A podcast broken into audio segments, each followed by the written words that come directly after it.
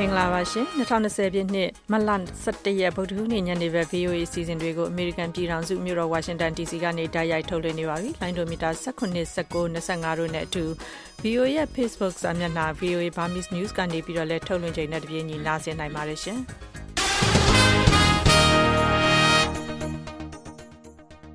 ကျမခွာညိုပါခုညနေခင်းစီစဉ်တွေတာဝန်ယူပါမယ်ရှင်မင်္ဂလာညနေခင်းပါခင်ဗျာဒီကနေ့ညနေပဲသတင်းတွေကိုမဆုမြတ်မွန်နဲ့ကျွန်တော်ကြော်ကြော်သိမ်းပြောပြမှာပါကမ္ဘာနိုင်ငံပေါင်း114နိုင်ငံမှာကိုရိုနာဗိုင်းရပ်စ်ကူးစက်ခံရသူ3,900ကျော်နဲ့သေဆုံးသူ4,300လောက်ရှိနေပါပြီ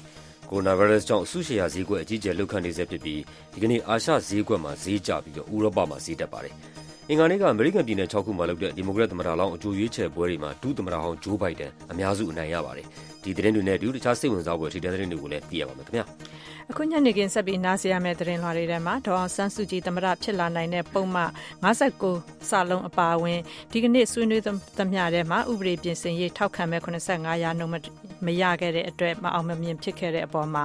ပြည်သူလူထုကမန်ဒေ့ပေးထားတဲ့ပြည်သူလူထုကရွေးကောက်တင်မြှောက်ထားတဲ့ကိုယ်စားလှယ်တွေအများစုကပြင်ဆင်လိုတဲ့ပယ်ဖြတ်လိုတဲ့ဆန္ဒရှိပေမဲ့လည်းပြင်ဆင်ခွင့်မရခဲ့ပါဘူး။အဲ့အတွက်လည်းဆရာတို့မြေသားဒီမိုကရေစီဖွဲ့ချုပ်နဲ့လည်းဆက်ပြီးတော့စူးစမ်းနေအောင်မှာဖြစ်ပါတယ်။ NLD ပါတီပြည်သူ့လွှတ်တော်ကိုယ်စားလှယ်ရဲ့ပြောကြားချက်နဲ့အတူနားဆင်နိုင်ပါတယ်။ဘင်္ဂလားဒေ့ရှ်ဘက်ကို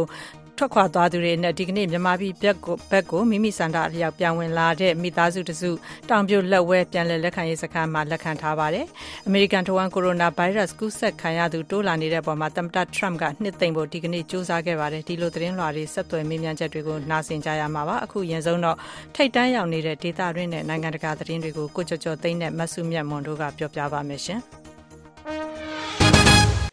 ကိုရိုနာဗိုင်းရပ်စ်ပိုး ကူးစက်သူအရေအတွက်ဟာ ကမ္ဘာတဝန်းမှာ လူပေါင်း ၁၁၉,၀၀၀ ကျော်သွားပြီဖြစ်သလို သေဆုံးသူအရေအတွက်ကလည်း နိုင်ငံပေါင်း ၁၁၄ နိုင်ငံမှာ လူပေါင်း ၄,၃၀၀ လောက် ရှိနေပါပြီ။ COVID-19 ရောဂါ စဖြစ်တဲ့ တရုတ်နိုင်ငံမှာတော့ နေ့စဉ်ကူးစက်သူအရေအတွက် တဖြည်းဖြည်း ကျဆင်းလာနေပြီး ဒီကနေ့မှာ နောက်ထပ်ကူးစက်သူ ၂၄ ယောက်ရှိတယ်လို့ တရုတ် ကျန်းမာရေးတာဝန်ရှိသူတွေက ပြောပါတယ်။တရုတ်နိုင်ငံတွင်းမှာ ကူးစက်သူအရေအတွက် လျော့လာပေမယ့်လည်း တခြားနိုင်ငံတွေကနေ ဝင်လာသူတွေမှာ ဗိုင်းရပ်စ်ပိုးကူးစက်သူ များလာတာကြောင့် တရုတ်နိုင်ငံကို ရောက်လာသူတိုင်း ၁၄ ရက်ကြာ သီးခြားခွဲနေဖို့ တရုတ်တာဝန်ရှိသူတွေက အမိန့်ထုတ်ထားပါတယ်။တရုတ်နိုင်ငံပြီးရင် ပျံ့နှံ့ကူးစက်မှုအများဆုံးဖြစ်နေတဲ့ အီတလီနိုင်ငံမှာ ဒီကနေ့ထိဆိုရင် လူ၁၀,၀၀၀ကျော် ကူးစက်ခံထားရပြီး တနိုင်ငံလုံးမှာ အသွားအလာတွေ ကန့်သတ်ပိတ်ပင်ထားတာ၂ရက်ရှိသွားပါပြီ။အရေးပေါ် ကျန်းမာရေးကိစ္စနဲ့ အလုပ်ကိစ္စတွေအတွက်ပဲ လူတွေကို သွားလာခွင့်ပြုထားတာပါ။အမေရိကန်ပြည်ထောင်စုမှာ ဗိုင်းရပ်စ်ပိုးကူးစက်သူ အရေအတွက် ၁,၀၀၀ ကျော်သွားပြီဖြစ်ပြီး ၂၃ ယောက်ထက်မနည်း သေဆုံးထားပြီဖြစ်တဲ့ ဝါရှင်တန်ပြည်နယ်မှာ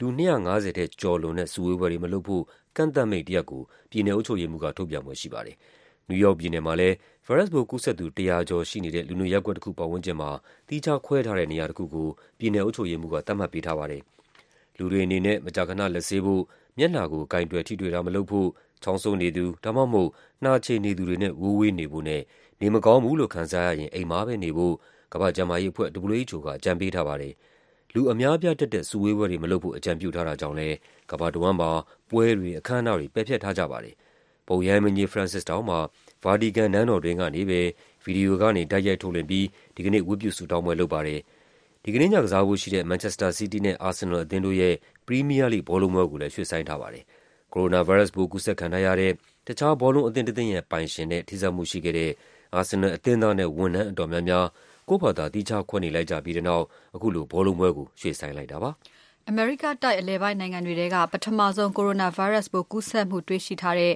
ပနားမားနိုင်ငံမှာ လူစုလူဝေးပွဲအားလုံးကို ဖျက်လိုက်ပြီးတော့ကျောင်းတွေအားလုံးကိုလည်း ဧပြီလ9ရက်နေ့အထိ ယာယီပိတ်လိုက်ပါတယ်။ အသက် 64 နှစ်အရွယ် ကျောင်းအုပ်ဆရာတယောက် တနင်္ဂနွေနေ့တုန်းက COVID-19 ရောဂါနဲ့ သေဆုံးသွားခဲ့ပေမဲ့ virus ပိုးကူးစက်မှုနဲ့ပတ်သက်လို့ အချက်အလက် ပြည့်ပြည့်စုံစုံ မသိခဲ့ရဘူးလို့ ကျန်းမာရေးဝန်ကြီး Rosario Dana ကပြောပါတယ်။လက်ရှိ ပနားမားနိုင်ငံမှာ coronavirus ပိုးကူးစက်နေသူ9ယောက်ရှိတယ်လို့ ဝန်ကြီးက သတင်းစာရှင်းလင်းပွဲမှာ ပြောကြားသွားပါတယ်။ El de los ocho pacientes que estamos señalando လူနာ၈ယောက်မှာတယောက်ကအထူးကြပ်မတ်ကုသဆောင်မှာကုသမှုခံယူနေပါတယ်။တယောက်ကတော့စိတ်မကောင်းစွာနဲ့ပဲကွယ်လွန်သွားပါတယ်လို့ကျန်းမာရေးဝန်ကြီးကပြောသွားတာပါ။နိုင်ငံထဲမှာဒီ virus ပိုးကူးစက်ပြန့်နှံ့မှုကိုတားဆီးနိုင်ဖို့အတွက်အားကစားပွဲတွေအပါအဝင်လူစုလူဝေးပွဲတွေအားလုံးကိုရပ်ထားဖို့အစိုးရကဆုံးဖြတ်ခဲ့တယ်လို့သူကပြောကြားခဲ့ပါတယ်။ပနားမားမှာပထမဆုံး coronavirus ပိုးကူးစက်နေတဲ့လူနာတွေ့ရှိတယ်ဆိုတာကိုတနင်္လာနေ့ကဝန်ကြီးကအတည်ပြုပြောကြားထားပါတယ်။အဲဒီအသက်40အရွယ်အမျိုးသမီးကတော့ဖျားပြီးချောင်းဆိုးတာလောက်သာဖြစ်တဲ့ရောဂါလက္ခဏာမပြင်းထန်ဘူးလို့ပြောပါတယ်။တောင်ကိုရီးယားနိုင်ငံဆိုးလ်မြို့တော်ကအဆောက်အဦတခုနဲ့ဆက်စပ်နေတဲ့လူပေါင်း90မှာကိုရိုနာဗိုင်းရပ်စ်ပိုးကူးစက်နေတာကိုဒီကနေ့မနက်ပိုင်းကစမ်းသပ်တွေ့ရှိတယ်လို့တောင်ကိုရီးယားကကြေညာပါတယ်။ဗိုင်းရပ်စ်ပိုးကူးစက်သူအများစုဟာအဆောက်အဦး၁၁ထပ်မှာရှိတဲ့တယ်လီဖုန်းခေါ်ဆိုချက်တွေကိုလက်ခံဖြေဆိုတဲ့ဌာနကဝန်ထမ်းတွေ၊သူတို့မိသားစုဝင်တွေနဲ့ဆွေမျိုးသားချင်းတွေဖြစ်တယ်လို့အာဏာပိုင်တွေကပြောပါတယ်။ အဆောက်အဦးရဲ့ တခြား အထပ်နှစ်ထပ်မှာရှိတဲ့ နောက်ထပ် တယ်လီဖုန်းဖြေဆိုတဲ့ဌာနက ဝန်ထမ်းတွေကိုလည်း ဗိုင်းရပ်စ်ပိုးရှိမရှိ စမ်းသပ်စစ်ဆေးထားတယ်လို့ ကျန်းမာရေးဆိုင်ရာ တာဝန်ရှိသူတွေက ပြောပါတယ်။တောင်ကိုရီးယားမှာ ဒီကနေ့ထိဆိုရင် ကိုရိုနာဗိုင်းရပ်စ်ပိုး ကူးစက်ထားသူ ၇,၇၅၅ ယောက်ထိ ရှိနေပါပြီ။ဒီအတောအတွင်းမှာပဲ ကိုရိုနာဗိုင်းရပ်စ်ပိုး စပြီး ပျံ့နှံ့ကူးစက်ခဲ့တဲ့ တရုတ်နိုင်ငံ၊ဟူဘေးပြည်နယ်ကနေ ထိုင်ဝမ်ခရီးသည် ၁၉၂ ယောက်ကို တရုတ် အထူးလေယာဉ်တစင်းနဲ့ ဒီကနေ့မနက်ပိုင်းက ပြန်ခေါ်လာပါတယ်။ဒါဟာဖြင့် ဗိုင်းရပ်စ်ပိုး ပျံ့နှံ့ကူးစက်နေတဲ့ တရုတ်နိုင်ငံတွင်းကနေ တိုင်ဝမ်ကျွန်း ဒေသခံတွေကို ပြန်ခေါ်လာတာ တတိယအကြိမ်မြောက်ပါ။လေယာဉ်ပေါ်ကဆင်းလာတဲ့ ခရီးသည်တိုင်းကို ကိုယ်အပူချိန် တက်နေသလားဆိုတာအပါအဝင် COVID-19 ရောဂါလက္ခဏာတွေ ရှိမရှိ စမ်းသပ် စစ်ဆေးပါတယ်။ဒီကနေ့ထိဆိုရင် တိုင်ဝမ်ကျွန်းမှာ ကိုရိုနာဗိုင်းရပ်စ် ကူးစက်ထားသူ ၄၈ ယောက်ရှိပြီး တဦးသေဆုံးထားပြီးတော့ ရောဂါပိုးကင်းရှင်းသွားသူက ၁၇ ယောက်ရှိပါတယ်။ ကိုရိုနာဗိုင်းရပ်စ်ပိုးကူးစက်ပျံ့နှံ့မှုဂယက်ရိုက်ခတ်နေတဲ့ကမ္ဘာ့အစုရှယ်ယာဈေးကွက်တွေမှာဒီကနေ့တော့ဈေးတွေအတက်အကျဖြစ်နေပါတယ်။အာရှဈေးကွက်တွေမှာဈေးတွေကျပေမဲ့ဥရောပဈေးကွက်တွေမှာတော့ဈေးတွေတက်နေပါတယ်။အာရှဈေးကွက်တွေပိတ်ချိန်မှာဂျပန်နိုင်ငံရဲ့ Nikkei အညွှန်းကိန်းက၂.၃ရာခိုင်နှုန်းကျဆင်းသလိုဟောင်ကောင် Hang Seng အညွှန်းကိန်းကလည်းဒသမ၇ရာခိုင်နှုန်း၊ Shanghai Composite အညွှန်းကိန်းကဒသမ၉ရာခိုင်နှုန်းဈေးအကျတွေနဲ့ဈေးပိတ်သွားခဲ့ပါတယ်။ဥရောပမှာတော့ လောလောဆယ်ဈေးတွေအတက်အကျဖြစ်နေပါတယ်။ဗြိတိန်ဗဟိုဘဏ်ကအတိုးနှုန်းတွေကိုဒသမ၅ရာခိုင်နှုန်းလျှော့ချပေးခဲ့ပြီးနောက်လန်ဒန် FTSE ဈေးနှုန်းတွေတက်ခဲ့ပါတယ်။ဂျာမနီနဲ့ပြင်သစ်ဈေးကွက်တွေမှာလည်းဈေးကွက်ဖွင့်ချိန်မှာဈေးတွေတက်ခဲ့ပါတယ်။အီတလီအစုရှယ်ယာဈေးတွေကတော့ကျဆင်းနေပါတယ်။အမေရိကန်ဈေးကွက်မှာတော့ဒီကနေ့ဈေးဖွင့်တဲ့အခါဈေးကျမယ်လို့ကြိုတင်ခန့်မှန်းထားပါတယ်။အင်္ဂါနေ့တုန်းကတော့အမေရိကန်ရဲ့အဓိကအစုရှယ်ယာအညွှန်းကိန်းတွေဖြစ်တဲ့ Dow Jones, S&P, Nasdaq သုံးခုလုံး၅ရာခိုင်နှုန်းလောက်ဈေးအတက်နဲ့ဈေးပိတ်ခဲ့တာပါ။ကမ္ဘာတဝန်းနိုင်ငံပေါင်း၁၁၀ကျော်မှာလူပေါင်း၁၂၀,၀၀၀နီးပါး Coronavirus ပိုးကူးစက်နေဘူးကြောင်းစားသုံးသူဈေးကွက်မတည်မငြိမ်ဖြစ်နေတာဖြစ်ပါတယ်။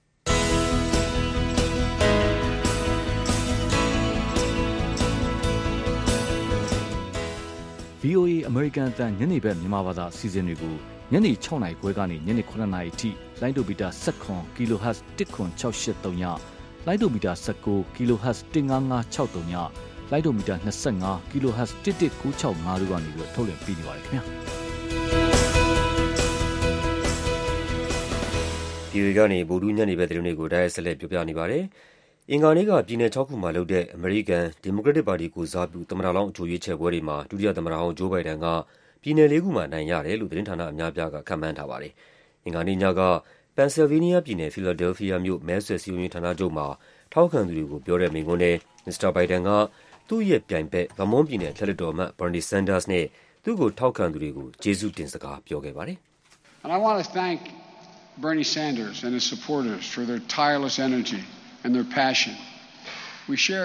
Bernie Sanders နဲ့ သူ့ကိုထောက်ခံသူတွေရဲ့ အပြင်းအထန် အားစိုက်ထုတ်မှုနဲ့ စိတ်အားထက်သန်မှုအတွက် ကျနော် ကျေးဇူးတင်ပါတယ်။ကျနော်တို့မှာ တူညီတဲ့ ရည်မှန်းချက်ရှိပြီး ဒေါ်နယ်လ်ဒ် ထရမ့်ပ်ကို အတူတကွ အနိုင်ယူမှာဖြစ်ပါတယ် လို့ မစ္စတာဘိုင်ဒန်က ပြောပါတယ်။ဝါရှင်တန်၊အိုင်ဒါဟိုး၊မီရှီဂန်၊မြောက်ဒါကိုတာ၊မစ္စစ္စပီနဲ့ မစ်ဇိုရီ ပြည်နယ်ခြောက်ခုမှာ အင်္ဂါနေ့ အကြိုရွေးချယ်ပွဲတွေ လုပ်တာဖြစ်ပြီး မဲအရေအတွက် ၁၀၀ရာခိုင်နှုန်းနီးပါး ရေတွက်ပြီးပြီဖြစ်တဲ့ မီရှီဂန်၊မစ်ဇိုရီ၊မစ္စစ္စပီနဲ့ အိုင်ဒါဟိုးပြည်နယ်တွေမှာ မစ္စတာဘိုင်ဒန်က အနိုင်ရထားပါတယ်။မဲအရေအတွက် ၆၀ရာခိုင်နှုန်းကျော် ရေတွက်ပြီးဖြစ်တဲ့ မြောက်ဒါကိုတာပြည်နယ်မှာ မစ္စတာ Sanders က ဦးဆောင်နေပြီးတော့ မဲအရေအတွက် ၁၀ရာခိုင်နှုန်းနီးပါးပဲ ရေတွက်ပြီးသေးတဲ့ ဝါရှင်တန်ပြည်နယ်မှာတော့ မဲရလဒ် သိပ်မကွာလှသေးပါဘူး။ဂျပန်နိုင်ငံမှာ ပြင်းထန်တဲ့မြေငလျင်နဲ့ ဆူနာမီ ဒီလှိုင်းကြီးတွေ ရိုက်ခတ်မှုကြောင့် လူပေါင်း၂၀,၀၀၀နီးပါး သေဆုံးခဲ့ရတဲ့ နှစ်ပတ်လည်အခမ်းအနားတွေကို ဒီကနေ့ ကျင်းပနေကြပါတယ်။၂၀၁၁ ခုနှစ် မတ်လ ၁၁ ရက်နေ့တုန်းကပြင်းအား ၉ Richter scale မြေငလျင် လှုပ်ခတ်ခဲ့ချိန် နေ့လည် ၂ နာရီ ၄၆ မိနစ်မှာ ဝန်ကြီးချုပ် Shinzo Abe ဦးဆောင်ပြီး Cabinet ဝန်ကြီးအဖွဲ့က ဝန်ကြီးချုပ်ရုံးခန်းမှာ ငြိမ်သက် ဆုတောင်းခဲ့ကြပါတယ်။အဲဒီတုန်းက ငလျင်ဒဏ်ကြောင့် နိုင်ငံရဲ့ အရှေ့မြောက် ကမ်းရိုးတန်းဒေသကို ကြီးမားတဲ့ ဆူနာမီ ဒီလှိုင်းလုံးကြီးတွေ ရိုက်ခတ်ခဲ့ပြီး Fukushima နျူကလီးယားဓါတ်အားပေးစက်ရုံထိခိုက်ပျက်စီးခဲ့ပါတယ်။စက်ရုံထဲကနျူကလီးယားဓါတ်ပေါင်းဖိုသုံးခုပျက်စီးပြီးရေဒီယိုသတ္တိကြွဓါတ်တွေယိုစိမ့်ခဲ့လို့ဒေသခံတွေဘေးကင်းရာပြောင်းရွှေ့ခဲ့ကြရတာမှာအခုချိန်ထိအများအပြားနေရပ်မပြန်နိုင်ကြသေးပါဘူး။ပြီးခဲ့တဲ့၈နှစ်လုံးဒီနှစ်ပတ်လည်နေ့ရောက်တိုင်းတော်ဝင်မိသားစုတွေပါတက်ရောက်တဲ့အောက်မေ့ဘွယ်အခမ်းအနားကြီးတွေကိုကျင်းပခဲ့ပေမဲ့ဒီနှစ် ဒီနှစ်မှာတော့ Coronavirus ပိုးကူးစက်မှုတွေကြောင့်အခမ်းအနားတွေကိုလူစုလူဝေးနဲ့ကြီးကြီးကျယ်ကျယ်မလုပ်ကြဖို့ဝန်ကြီးချုပ်ကပန်ကြားထားပါတယ်။ဒါပေမဲ့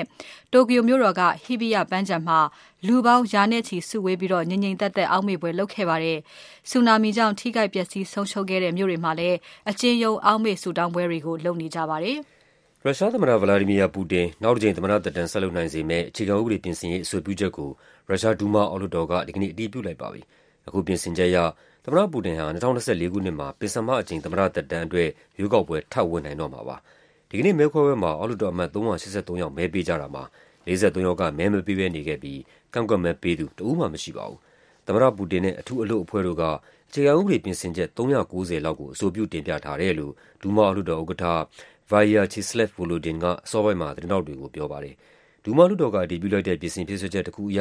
သမ္မတပူတင်ရဲ့သမ္မတသက်တမ်းကို လုံးဝ အသစ်ပြန်သတ်မှတ်လိုက်တာဖြစ်တဲ့အတွက် လက်ရှိသက်တမ်းကုန်ဆုံးမယ့် ၂၀၂၄ ခုနှစ်မှာ နောက်တစ်ကြိမ် သမ္မတသက်တမ်းအတွက် ပြန်ပြီးတော့ ရွေးကောက်ခံခွင့်ရသွားတာပါ။ဒီပြင်ဆင်ချက်ကြောင့် ၂၀၂၄ ရွေးကောက်ပွဲမှာ အနိုင်ရပြီး နောက် ၆ နှစ်အကြာ ၂၀၃၀ ရွေးကောက်ပွဲမှာလည်း အနိုင်ရတယ်ဆိုရင် မစ္စတာပူတင်ဟာ ၂၀၃၆ ခုနှစ်အထိ သမ္မတလုပ်ခွင့်ရမယ့် အလားအလာ ရသွားတာဖြစ်ပါတယ်။ Venezuela နိုင်ငံ Caracas မြို့တော်မှာ အတိုက်အခံခေါင်းဆောင် Juan Guaido ဆော်သြတဲ့ အစိုးရဆန့်ကျင် ဆန္ဒပြပွဲကို ရဲတွေက မျက်ရည်ယိုဗုံးတွေသုံးပြီး လူစုခွဲခဲ့ပါတယ်။ သမ္မတ Nicolas Maduro ရဲ့ အာဏာရ Socialist ပါတီလွှတ်တော်အမတ်တွေ ဇန်နဝါရီလထဲက ထိန်းချုပ်ထားတဲ့ လွှတ်တော်အဆောက်အဦးဆီကိုချီတက်ဖို့အတွက်ထောင်နဲ့ချီတဲ့ ဆန္ဒပြသူတွေ အင်္ဂါနေ့က စုဝေးခဲ့ကြပါတယ်။ချီတက်ဆန္ဒပြသူတွေဟာ သိပ်ဝေးဝေး မရောက်ခင်မှာပဲအထီးကရုဏ်းနှိမ်နင်းရေးရဲတွေက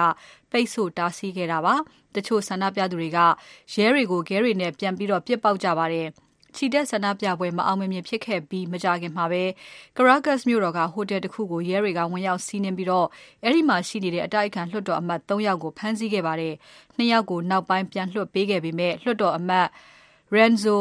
Prieto ကိုတော့ဆက်လက်ဖမ်းဆီးထားပါတယ်။ Venezuela နိုင်ငံမှာသမ္မတ Maduro အပေါ်ဆန္ဒပြမှုတွေပြန်လည်ပေါ်ပေါက်လာအောင်ကြိုးပမ်းတဲ့အနေနဲ့အတိုက်အခံခေါင်းဆောင် Juan Guaido ကဆော်သြစီစဉ်နေတာပါ။၂၀၁၉ခုနှစ်တုန်းကလွှတ်တော်ဥက္ကဋ္ဌဖြစ်နေစဉ် Juan Guaido က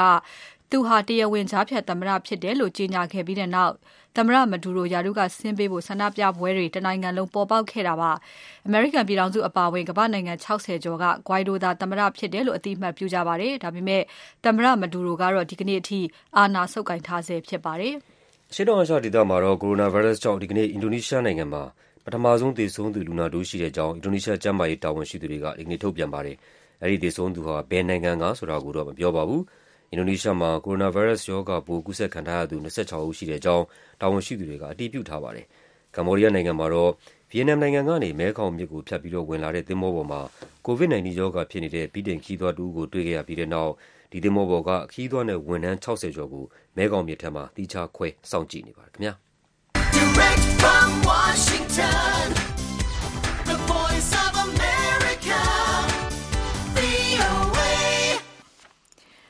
ဗုဒ္ဓဟူးနေ့ ညနေခင်း ထိပ်တန်းရောက်နေတဲ့ ဒေသတွင်းနဲ့ နိုင်ငံတကာ သတင်းတွေကို ကိုကျော်ကျော်သိန်းနဲ့ မစုမြတ်မွန်တို့ ပြောပြပေးခဲ့ကြတာပါရှင်။အခုဆက်ပြီးတော့ထုတ်လွှင့်ပေးသွားမယ့် သတင်းလွှာတွေထဲမှာတော့ ဒီကနေ့ ပြည်ထောင်စုလွှတ်တော်အတွင်း ဥပဒေပြင်ဆင်ရေး မဲခွဲမှု မအောင်မမြင် ဖြစ်ခဲ့တဲ့ ပုံမှာတွေကို ကြည့်ကြရအောင်ပါ။ နိုင်ငံတော်ရဲ့အတိုင်ပင်ခံပုဂ္ဂိုလ် ဒေါ်အောင်ဆန်းစုကြည် သမ္မတဖြစ်နိုင်ဖို့ အဟန့်အတားဖြစ်နေတဲ့ ဖွဲ့စည်းပုံဥပဒေပုဒ်မ ၅၉စလုံးအပါအဝင် ဥပဒေကြမ်းတချို့ ဒီကနေ့ မဲခွဲရာမှာတော့ ပြည်ထောင်စုလွှတ်တော်ရဲ့ ထောက်ခံမဲ ၇၅ ရာခိုင်နှုန်း မကျော်တာကြောင့် ဒီပုဒ်မတွေ ပြင်ဆင်ရေး မအောင်မမြင် ဖြစ်ခဲ့ရပါတယ်။ဒီကနေ့ ကျင်းပတဲ့ ပြည်ထောင်စုလွှတ်တော်ထဲက ဒီပုဒ်မတွေ အပါအဝင် တခြား ဖွဲ့စည်းပုံပြင်ဆင်ရေး အဆိုပြုချက်တွေ မဲခွဲတဲ့အခြေအနေကို VOA သတင်းထောက် ကိုမိုးဇော်ကသတင်းပေးပို့ထားပါတယ်ရှင်။ ဟုတ်ကဲ့ပြင်ဆင်မဲ့ဥပဒေမူကြမ်းကိုဆက်လက်မဲခွဲတဲ့ဒုတိယမြောက်နေ့မှာတက်ရောက်ခွင့်ရှိသူလွှတ်တော်ကိုယ်စားလှယ်654ဦးအနက်635ဦးတက်ရောက်ခဲ့ပြီး22ဦးကတော့ခွင့်တိုင်ကြားခဲ့တာဖြစ်ပါတယ်ဒီကနေ့မှာတော့2008ဖွဲ့စည်းပုံအခြေခံဥပဒေဒုတိယအကြိမ်ပြင်ဆင်တဲ့ဥပဒေမူကြမ်းပါပုံမှ46ပုံမှခွဲကာကြီးမှာအကျုံးဝင်တဲ့ပုံမှပုံမှခွဲ15ခုကိုပြင်ဆင်ပယ်ဖျက်ရေးအတွက်မဲပေးခဲ့ကြတာဖြစ်ပါတယ် ပြင်ဆင်ပယ်ဖျက်ဖို့ မဲခွဲဆုံးဖြတ်ချက်ရယူရာမှာတော့ ပုံမှပုံမှခွဲ15ခုလုံးဟာ လိုအပ်တဲ့ ထောက်ခံမဲရာခိုင်နှုန်း မရရှိတာကြောင့် မူလအတိုင်းထားရှိဖို့ ဆုံးဖြတ်ကြောင်း လွှတ်တော်နာယက ဦးတီခွန်မြတ်က အခုလို ကြေညာခဲ့ပါတယ် ပုံမှ59ပုံမှခွဲစလုံးပယ်ဖျက်မှုအတွက် ထောက်ခံဆန္ဒမဲ393မဲဖြစ်ပါတယ် ထောက်ကန်ဆန္ဒမဲ85ရာခိုင်နှုန်း မကျော်တဲ့အတွက် မူလအတိုင်းဖြစ်ကြောင်း ကြေညာပါတယ် ပုံမှန်109ပုံမှန်ခွဲခခွေပြင်ဆင်မှုအတွက်ထောက်ခံဆန္ဒမဲ412မဲဖြစ်ပါတယ်ထောက်ခံဆန္ဒမဲ85ရာခိုင်နှုန်းမကျော်တဲ့အတွက်မူလအတိုင်းဖြစ်ကြောင်းကြေညာပါတယ်ပုံမှန်59စာလုံးဟာဒေါအောင်ဆန်းစုကြည်တမရမဖြစ်စေရေးအတွက်ရည်ရွယ်ထည့်သွင်းထားတယ်လို့ဝေဖန်ထားတဲ့ပုံမှန်ဖြစ်ပါတယ်ဒီပုံမှန်ကိုဥပဒေချမ်းမှာပယ်ဖျက်ဖို့အတွက်တင်ပြထားတာပါ ပုံမှန်109ခဟာပြည်သူ့လွှတ်တော်မှာတက်မတော်သားပါဝင်မှုကို25ရာခိုင်နှုန်းကနေနောက်တစ်ကြိမ်တက်တန်းမှာ15ရာခိုင်နှုန်းစရုထအကြိမ်မှာ10ရာခိုင်နှုန်းပြည်စမအကြိမ်မှာ9ရာခိုင်နှုန်းအထိလျှော့ချသွားဖို့ဖြစ်ပါတယ်ပုံမှ141ခါခွင်းနဲ့ပုံမှ161ဂါကြီးတို့ကတော့မျိုးသားလွှတ်တော်နဲ့တိုင်းဒေသကြီးပြည်နယ်လွှတ်တော်တွေမှာအလားတူလျှော့ချဖို့ဖြစ်ပါတယ် မဲခွဲဆုံးဖြတ်တဲ့ပုံမှန်တွေထဲမှာ အမျိုးသားကာကွယ်ရေးနဲ့ လုံခြုံရေးကောင်စီ ကာလုံနဲ့ ပတ်သက်တဲ့ ပုံမှန်201နောက် သူ့ရဲ့ ပုံမှန်ခွဲတွေနဲ့တက်ဆိုင်တဲ့ ပြည်သူ့လွှတ်တော်နဲ့ အမျိုးသားလွှတ်တော် ဒုဥက္ကဋ္ဌတွေ ထည့်သွင်းဖို့နဲ့ကာလုံရဲ့တာဝန်ပိုင်းဆိုင်ရာ ဖြည့်ဆွက်ချက်တွေလည်း ပါဝင်ပါတယ် ဒီလို ပြင်ဆင်ဖြည့်ဆွက်ခွင့် မရပေမဲ့ ဖွဲ့စည်းပုံပြင်ဆင်ရေးအတွက် ဆက်လက် ကြိုးစားသွားမှာဖြစ်တယ်လို့ အမျိုးသားဒီမိုကရေစီအဖွဲ့ချုပ်ပါတီက ပြည်သူ့လွှတ်တော်ကိုယ်စားလှယ် ဒေါက်တာလှမိုးက ပြောပါတယ် ဒီနေ့ မဲခွဲဆုံးဖြတ်မှု ရလဒ်ကို ကြည့်မယ်ဆိုလို့ရှိရင်မြို့သားဒီမိုကရေစီဖွဲ့ချုပ်က တင်တဲ့ ပြင်ဆင်လိုတဲ့ ပယ်ဖြတ်လိုတဲ့ ဥပဒေပုံမှန်တွေကို ရွေးကောက်ခံကိုယ်စားလှယ်ရဲ့85ရာခိုင်နှုန်းအထက်က ထောက်ခံမဲ့ပေးခဲ့ပေမဲ့ ဒီနေ့ဆရာတို့ဒါပြင်ဆင်လို့မရခဲ့ဘူးပေါ့ဒါအင်မတန်မှဒါဒါဝင်နေစရာကောင်းတယ်ပေါ့နော်ပြည်သူလူထုကမန်ဒိတ်ပေးထားတဲ့ပြည်သူလူထုကရွေးကောက်တင်မြှောက်ထားတဲ့ကိုယ်စားလှယ်တွေအများစုကပြင်ဆင်လိုတဲ့ပယ်ဖြတ်လိုတဲ့ဆန္ဒရှိပေမဲ့လည်းပြင်ဆင်ခွင့်မရခဲ့ပါဘူးအဲ့အတွက်လည်းဆရာတို့မြေသားဒီမိုကရေစီဖွဲ့ချုပ်နဲ့လည်းဆက်ပြီးတော့စ조사နေအောင်မှာဖြစ်ပါတယ်မလ23ရက်နေ့မှာတော့ဖွဲ့စည်းပုံအခြေခံဥပဒေပုံမှန်436ကာကြီးနဲ့အကျုံးဝင်တဲ့ပုံမှန်ပုံမှန်ခွဲ14ခုပါဝင်တဲ့ပြင်ဆင်ချက်ကိုဆက်လက်မဲခွဲဆုံးဖြတ်မှာဖြစ်ပါတယ်။ ဒီကနေ့ ပြည်ထောင်စုလွှတ်တော်ထဲမှာ ဖွဲ့စည်းပုံအခြေခံဥပဒေ ပြင်ဆင်ရေးမှာ ပြင်ဆင်ဖို့ အဆိုပြုတဲ့ ပုံမှားတွေ မူလအတိုင်း အတည်ဖြစ်နေအောင်မဲ့အကြောင်း ကိုမိုးစော်စူးစီးတင်ပြခဲ့တာပါရှင်။အခု ဘင်္ဂလားဒေ့ရှ်ဘက်က မြန်မာပြည်ထဲကို မိသားစုတစု ပြန်ဝင်လာတဲ့အကြောင်းကိုလည်း အလှည့်ပေးချင်ပါတယ်။ ဘင်္ဂလားဒေ့ရှ်ဘက်ကို ထွက်ပြေးသွားတဲ့ နေရပ်စွန့်ခွာသူတွေထဲက22ဦးဟာဒီပြန်လည်လက်ခံရေးစခန်းတွေကနေတဆင့် ဒီလထဲမှာပဲ ကိုယ့်အစီအစဉ်နဲ့ကိုပြန်ပြီးတော့ဝင်ရောက်လာပါတယ်။နိုင်ငံတကာက ဖိအားပေးနေတဲ့ ရိုဟင်ဂျာဒုက္ခသည်တွေ နေရပ်ပြန်နိုင်ရေးအတွက် ဘင်္ဂလားဒေ့ရှ်နဲ့ နှစ်နိုင်ငံ သဘောတူညီချက် လက်တွေ့မလုပ်နိုင်သေးပေမဲ့ အခုလိုတိကျကိုယ့်အစီအစဉ်နဲ့ကိုဝင်ရောက်လာသူတွေလည်း ရှိလာနေတာပါ။ဒီအခြေအနေကိုတော့ VOA သတင်းတောက်မဆုစုက စုံစမ်းမေးမြန်း တင်ပြထားပါတယ်ရှင်။ နေရဆုံးဟာသူတွေတဲကကိုအစီအစဉ်နဲ့ကိုမြန်မာနိုင်ငံထဲပြန်ဝင်လာတဲ့မိသားစုဝင်၃ဦးပါတဲ့အိမ်အောင်စုတစုကိုမတ်လ9ရက်ပြီးခဲ့တဲ့စနေနေ့ကတောင်ပြိုလက်ဝဲပြန်လည်လက်ခံရေးစခန်းကစစ်စစ်လက်ခံခဲ့ပါတယ်။သူတို့တွေကိုလူဝင်မှုကြီးကြပ်ရေးဆိုင်ရာလုပ်ငန်းစဉ်အရာစစ်စစ်မှတ်တမ်းတင်ပြီးပြန်လည်လက်ခံခဲ့တယ်လို့တောင်ပြိုလက်ဝဲပြန်လည်လက်ခံရေးစခန်းကလက်ထောက်ညွှန်ကြားရေးမှူးဦးစော်မင်းသိန်းက VOA ကိုပြောပါတယ်။ မိသားစုတူတူလည်းပါဗျအမေရဲ့သားရဲ့သမီးရဲ့ပေါ့မွတ်စလင်လူမျိုးပါဗျဆိုတော့အိမ်အောင်စုအဟောင်းရှိတယ်ပေါ့နော်ကျွန်တော်တို့ကတော့ဒီကျွန်တော်တို့လုပ်ငန်းစဉ်အတိုင်းပြည်နယ်တို့ဝင်ထားတဲ့စာနဲ့တိုက်ဆိုင်စစ်ဆေးတယ်ပေါ့နော်မှန်ကန်တဲ့အတွက်ကျွန်တော်တို့ကသူတို့ကိုအိမ်အောင်စုထုတ်ပေးပါတယ်ပြီးရင် MPC ပြန်လုပ်ပေးပါတယ်အခုလိုပြန်လည်ဝင်ရောက်လာသူတွေကိုကျန်းမာရေးစောင့်ရှောက်မှုနဲ့ထောက်ပံ့ပစ္စည်းတွေပေးအပ်ခဲ့တယ်လို့လည်းဦးစောမင်းသိန်းကအခုလိုဆက်ပြောပါတယ် လူမှုဝန်ထမ်းဆိုလို့ချင်းလည်း ဒီပစ္စည်းထောက်ပံ့နေရှိတယ် ကျန်းမာရေးဆိုလည်း ကျန်းမာရေးစစ်ဆေးထောက်ပံ့မှုတွေ ရှိပါတယ်ဗျ သူဌာနဆိုင်ရာလိုက် အကုန်လုပ်ကြပါတယ်ဗျ ရခိုင်မြောက်ပိုင်းပြည်ပခါတွေကြောင့် အိန္ဒိချင်း ဘင်္ဂလားဒေ့ရှ်နိုင်ငံနဲ့ပြည်ဝင်သွားတဲ့တင်ကနန်းရှိတဲ့ ရိုဟင်ဂျာဒုက္ခသည်တွေ နေရပြန်နိုင်ရေး ကြံ့ကြာနေတဲ့အပေါ် နိုင်ငံတကာမှာတော့ မြန်မာအစိုးရကို ဖိအားတွေ ပေးနေတာပါ မြန်မာအစိုးရကတော့ ရိုဟင်ဂျာအသုံးအနှုန်း လက်မခံပေမဲ့ ဒီဒုက္ခသည်တွေ နေရပြန်နိုင်ရေးအတွက် စီစဉ်ဆောင်ရွက်နေတယ်လို့ ပြောထားပါတယ်။ မြန်မာနိုင်ငံအနေနဲ့ဒုက္ခသည်တွေကိုပြန်လည်လက်ခံရေးနဲ့နေရာချထားရေးကိစ္စရပ်တွေကိုဘင်္ဂလားဒေ့ရှ်အစိုးရနဲ့ညှိနှိုင်းဆောင်ရွက်နေပြီးအာဆီယံနိုင်ငံအပါအဝင်မိတ်ဆွေနိုင်ငံတွေနဲ့နိုင်ငံတကာကအဖွဲ့အစည်းတွေကုလသမဂ္ဂအဖွဲ့အစည်းတွေနဲ့ပါပူးပေါင်းဆောင်ရွက်နေတယ်လို့လူကယ်ပြန်ဝင်ကြီးဒေါက်တာဝင်းမြတ်အေးကမက်ရှ်လာ9ရက်နေ့တုန်းကစစ်တွေမြို့မှာပြုလုပ်တဲ့ကြေးရွာနေသူတွေနဲ့တွေ့ဆုံချိန်မှာပြောဆိုခဲ့ပါတယ်။ မတ်တာ၈ရက်ပြီးခဲ့တဲ့တနင်္ဂနွေနေ့တုန်းကလည်းနေရက်ဆုံးခွာသူတွေတဲကအိမ်အောင်စု16စုဟာကိုယ့်စီစဉ်နဲ့ကိုပြန်လည်ရောက်ရှိလာတယ်လို့ငခုရပြန်လည်လက်ခံရေးစခန်းကလက်ထောက်ညွှန်ကြားရေးမှူးဦးဝင်းအောင်ကပြောပါတယ်။ရှိတဲ့နေုံကတခါရှိတယ်။အိမ်အောင်စုက16စုပေါ့လူကြီးက19ကြားက16မက2သူတို့တွေကိုလိုအပ်တဲ့စစ်မှုတွေလုပ်ပေးပြီးငခုရပြန်လည်လက်ခံရေးစခန်းကလက်ခံခဲ့တာပါ။ တစ်ဖက်နိုင်ငံကိုထွက်ပြေးသွားကြသူတွေတဲကကိုစီစဉ်တဲ့ကိုမြန်မာနိုင်ငံထဲပြန်ဝင်လာသူတွေဟာအခုချိန်မှာ900ကျော်အထိရှိနေပါပြီ။ပြန်ဝင်လာသူတွေကိုတောင်ပြိုလက်ဝင်းနဲ့ငခုရစခန်းတို့ကနေစီစစ်လက်ခံနေပြီးလှဖိုးကောင်ချစခန်းကနေတဆင့်ပြန်လည်နေရာချထားပေးနေတာပါ။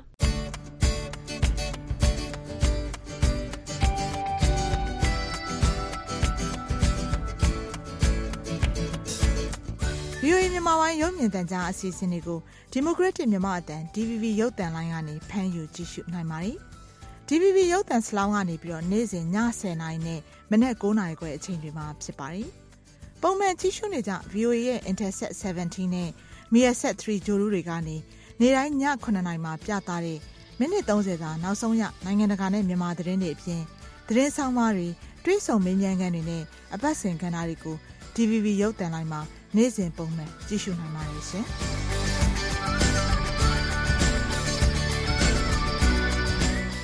VOA ရဲ့ဗုဒ္ဓဟူးနေ့ညနေခင်းအစီအစဉ်တွေကိုနားဆင်နေကြရတာဖြစ်ပါတယ်ရှင်။အခုနိုင်ငံတကာသတင်းလွှာတစ်ပုဒ်ကိုပြောပြပေးပါဦးမယ်။ အမေရိကန်ပြည်ထောင်စုတဝှမ်း ကိုရိုနာဗိုင်းရပ်စ်ကူးစက်ခံရသူ တိုးလာနေတဲ့အပေါ်မှာစိုးရိမ်ကြတဲ့ ပြည်သူတွေကို စိတ်မပူရအောင် သမ္မတဒေါ်နယ်ထရမ့်ကအင်္ဂါနေ့ ဒီကနေ့မှာပဲ နှစ်သိမ့်ဖို့ ကြိုးပမ်းခဲ့ပါတယ်။ကိုရိုနာဗိုင်းရပ်စ် ကူးစက်မှု အကျပ်အတည်းကြောင့် အမေရိကန်စီးပွားရေး သိပ်ပြီး မထိခိုက်အောင်လုပ်မဲ့သမ္မတထရမ့်ရဲ့ အစီအစဉ်ဟာ အကြီးအကျယ် ထိခိုက်နစ်နာကြမဲ့အမေရိကန် အလုပ်သမားတွေအတွက်တော့ အကျိုးထူးမှာ မဟုတ်ဘူးလို့လည်း ဒီမိုကရက်အမတ်တွေက ဝေဖန်ပြောဆိုနေကြတာပါ။ VOA သတင်းတောက် Catherine Gibson ပေးပို့ထားတဲ့ သတင်းလွှာကို နန်းလောင်က တင်ပြထားပါတယ်ရှင်။တ ကမ္ဘာလုံးနီးပါးကိုပျံ့နှံ့နေတဲ့ကိုရိုနာဗိုင်းရပ်စ်ကူးစက်မှုနဲ့ပတ်သက်ပြီးစိုးရိမ်နေကြတဲ့အမေရိကန်ပြည်သူတွေကိုသမ္မတ Donald Trump ကခုလိုနှစ်သိမ့်ဖို့ကြိုးစားခဲ့ပါတယ်။“ကျနော်တို့ကောင်းကောင်းပြင်ဆင်ထားပါတယ်။နောက်ပြီးဒီဗိုင်းရပ်စ်ပိုးတွေသူ့ဘာသာသူပျောက်ကွယ်သွားမှာပါ။စိတ်အေးအေးသာထားကြပါ။”ဒါပေမဲ့လည်းအမေရိကန်စီးပွားရေးအပေါ်ထိခိုက်မှုကဒီအတိုင်းပြီးဆုံးသွားမှာမဟုတ်ပါဘူး။သမ္မတကခုလိုကြေညာလိုက်တဲ့အချိန်မှာပဲနယူးယောက်မြို့အပြင်ဘက်ကဧရိယာတွေကိုတာဝန်ရှိသူတွေကပထမဆုံးအဝင်အထွက်ကန့်သတ်လိုက်ပါတယ်။ ရောဂါကာကွယ်ထိန်းချုပ်ရေးသမ္မတ Trump အစိုးရရဲ့လုပ်ကိုင်ပုံအပေါ်မှာလည်းစိုးရိမ်မှုတွေတိုးလာနေတာပါ။အထက်လွှတ်တော်လူနည်းစုခေါင်းဆောင် Chuck Schumer ကအခုလိုပြောပါတယ်။ “We are very worried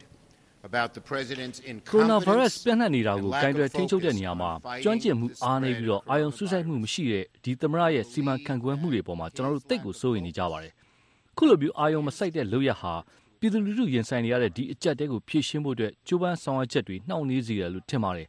နောက်ပြီး Stock အစုရှယ်ယာဈေးကွက်တွေကိုလည်းထိခိုက်ပါတယ်။အစိုးရရဲ့ကိုင်တွယ်ဆောင်ရွက်ချက်တွေဟာညံ့ဖျင်းလွန်းတယ်လို့ပဲပြောရပါလိမ့်မယ်။”သမ္မတအိမ်ဖြူတော်ကကိုရိုနာဗိုင်းရပ်စ်အရေးတာဝန်ယူထားတဲ့အဖွဲ့ကလည်းရောဂါစစ်ဆေးဖို့ဆောင်ရွက်ချက်တွေမှာတိုးတက်မှုတွေရှိလာနေပြီလို့ပြောပါတယ်။ဒုသမ္မတ Mike Pence ကခုလိုပြောပါတယ်။“ရောဂါပိုးရှိမရှိဆိုတာဒီသီတင်းပတ်ကုန်လောက်ကျရင်ပြည်နယ်ဓာတ်ခွဲခန်းတွေမှာစစ်ဆေးနိုင်ပါပြီ။အကြိမ်ရေ၄သန်းစစ်ဆေးနိုင်မှာဖြစ်ပါတယ် ဒါပေမဲ့လည်းကိုရိုနာအကျပ်အတည်းကြောင့်ဒေါ်လာ1.6ထရီလီယံတန်ဖိုးရှိတဲ့အမေရိကန်ခရီးသွားလုပ်ငန်းအပေါ်အကြီးအကျယ်ထိခိုက်နေသလိုအလုပ်သမားတွေအနေနဲ့ကလည်းလစာမရဘဲနာမကျန်းခွင့်ယူရတော့မလားဆိုပြီးစိုးရိမ်နေတာပါ။သမ္မတ Trump ကနိုင်ငံစီးပွားရေးပြန်ပြီးဦးမော့လာအောင်ပိုပြီးအာရုံစိုက်နေပုံလည်းရပါတယ်။ဒါပေမဲ့လည်းဝင်ငွေခွန်ကောက်ခံမှုဖြေလျော့ပေးမယ့်အဆိုပြုချက်အနည်းအကျဉ်းလောက်ကိုပဲအစိုးရကချပြထားတာပါ။သမ္မတ Trump ရဲ့စီးပွားရေးအကြံပေး Larry Kudlow ကလည်းခုလိုပြောပါတယ်။“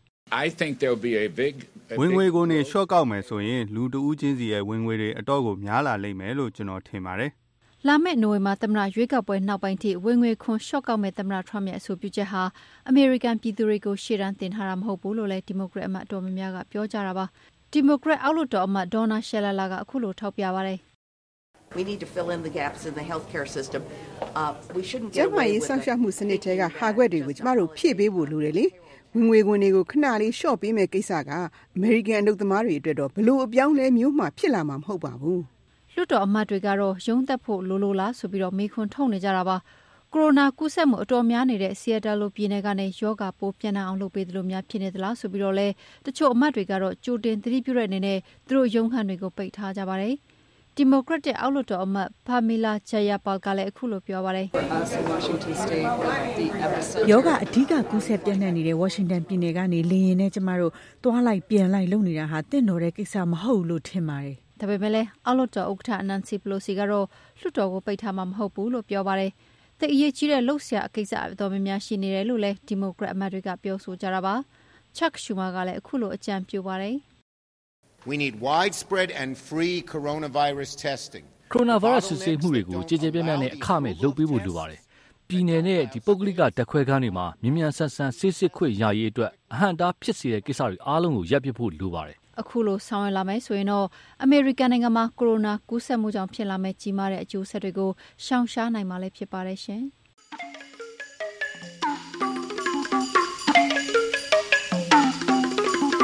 ကမ္ဘာနိုင်ငံအများပြားမှာပြန့်နှံ့ကူးစက်နေတဲ့ ကိုရိုနာဗိုင်းရပ်စ် အန္တရာယ်ကြောင့် ဘောလုံးပွဲတွေအပါအဝင် လူစုလူဝေး ပွဲလမ်းသဘင်အခမ်းအနားတွေကို ရွှေ့ဆိုင်းပယ်ဖျက်ထားကြပါတယ်။မြန်မာနိုင်ငံမှာ ဗိုင်းရပ်စ်ပိုး ကူးစက်ထားတယ်လို့ စစ်ဆေးတွေ့ရှိသူ တဦးမှမရှိသေးပေမဲ့ဒီအန္တရာယ်ကနေ လုံးဝကင်းလွတ်ပြီလို့ ပြောနိုင်တာ မဟုတ်သေးပါဘူး။ဒါကြောင့် သိပ်မကြာခင်ကာလမှာ ကျရောက်တော့မယ့် သင်္ကြန်ရေကစားပွဲတွေကို ပုံမှန်အတိုင်း လုပ်သင့်ပါသလား။ဒါမှမဟုတ် ပယ်ဖျက်သင့်ပါသလား။အခုလာမယ့် စနေည တိုက်ရိုက်လေလှိုင်းအစီအစဉ်မှာ ဆွေးနွေးကြရအောင်ပါ။ ဒီအစီအစဉ်မှာ တိုက်ရိုက်ပါဝင် ဆွေးနွေးချင်တယ်ဆိုရင် ဆက်သွယ်ရမယ့် ဖုန်းနံပါတ်ကို စနေညမီ ပို့ထားပေးပါ။ကိုယ်ဆွေးနွေးချင်တာကို စာနဲ့ပဲဖြစ်ဖြစ်၊အသံနဲ့ပဲဖြစ်ဖြစ် ကြိုတင်ပေးပို့ထားလို့ရသလို ဗွီအိုအေ ဖေ့စ်ဘုတ်မှာလည်း မှတ်ချက်ပေးထားလို့ရပါတယ်။သင့်လျော်တဲ့ ဆွေးနွေးချက်တွေကို ကောက်နုတ် ထုတ်လွှင့်ပေးသွားမှာ ဖြစ်ပါတယ်။ဗွီအိုအေရဲ့ ဖုန်းနံပါတ်က ၁၂၀၂၃၈၂၅၅၄၊အီးမေးလ်လိပ်စာက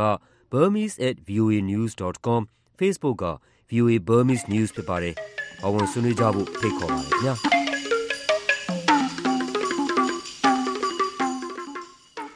လာမယ့်စနေညတိုက်ရိုက်လေလိုင်းမှာ ပါဝင်ဆွေးနွေးလို့ရင် ချိန်မီ ဆက်သွယ်ကြပါလို့ ထပ်မံ ဖိတ်ခေါ်ပါရရှင်။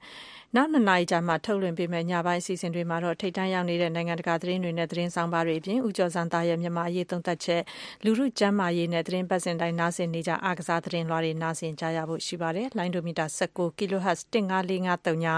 လိုင်းဒိုမီတာ25 kHz 11883ညလိုင်းဒိုမီတာ32 kHz 9335နဲ့ ပထမနိုင်ဝက်မှာ လိုင်းလက်မီတာ190 kHz 1505တို့ကနေဓာတ်ရိုက် ဖမ်းယူ နားဆင်နိုင်တယ်လို့ VOA ရဲ့ Facebook စာမျက်နှာ VOA Burmese News ကနေပြီးတော့လည်းထုတ်လွှင့်ချိန်နဲ့တပြေးညီနားဆင်နိုင်ကြပါတယ်ရှင်။ VOA ရဲ့ညနေဘက်အစီအစဉ်တွေကို အမေရိကန်ပြည်ထောင်စုမြို့တော်ဝါရှင်တန် DC ကနေတိုက်ရိုက်ထုတ်လွှင့်ပေးနေပါတယ်ရှင်။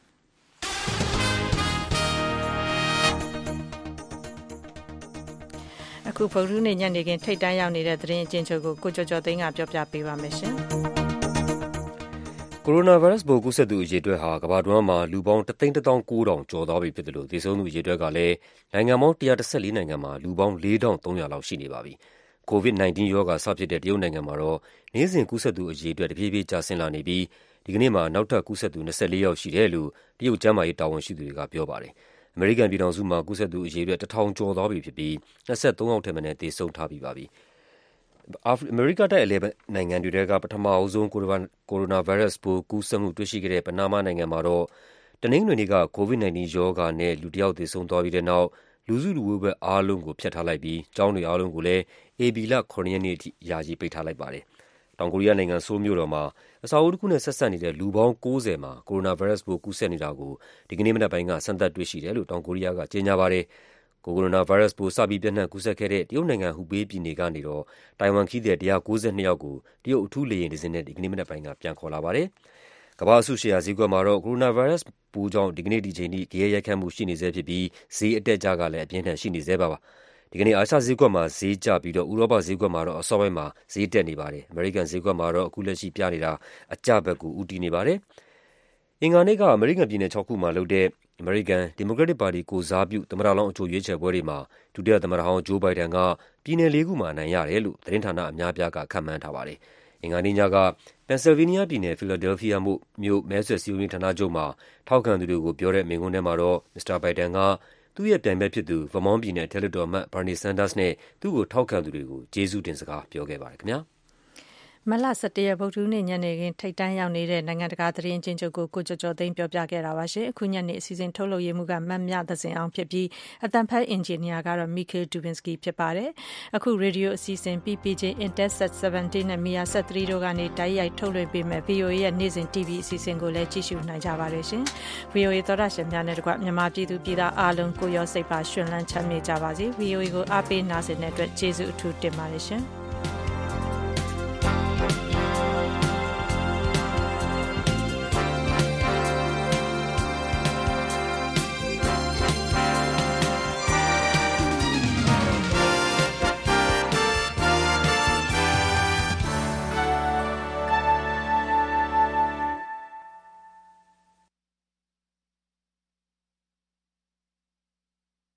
This program has come to you from the Voice of America, Washington.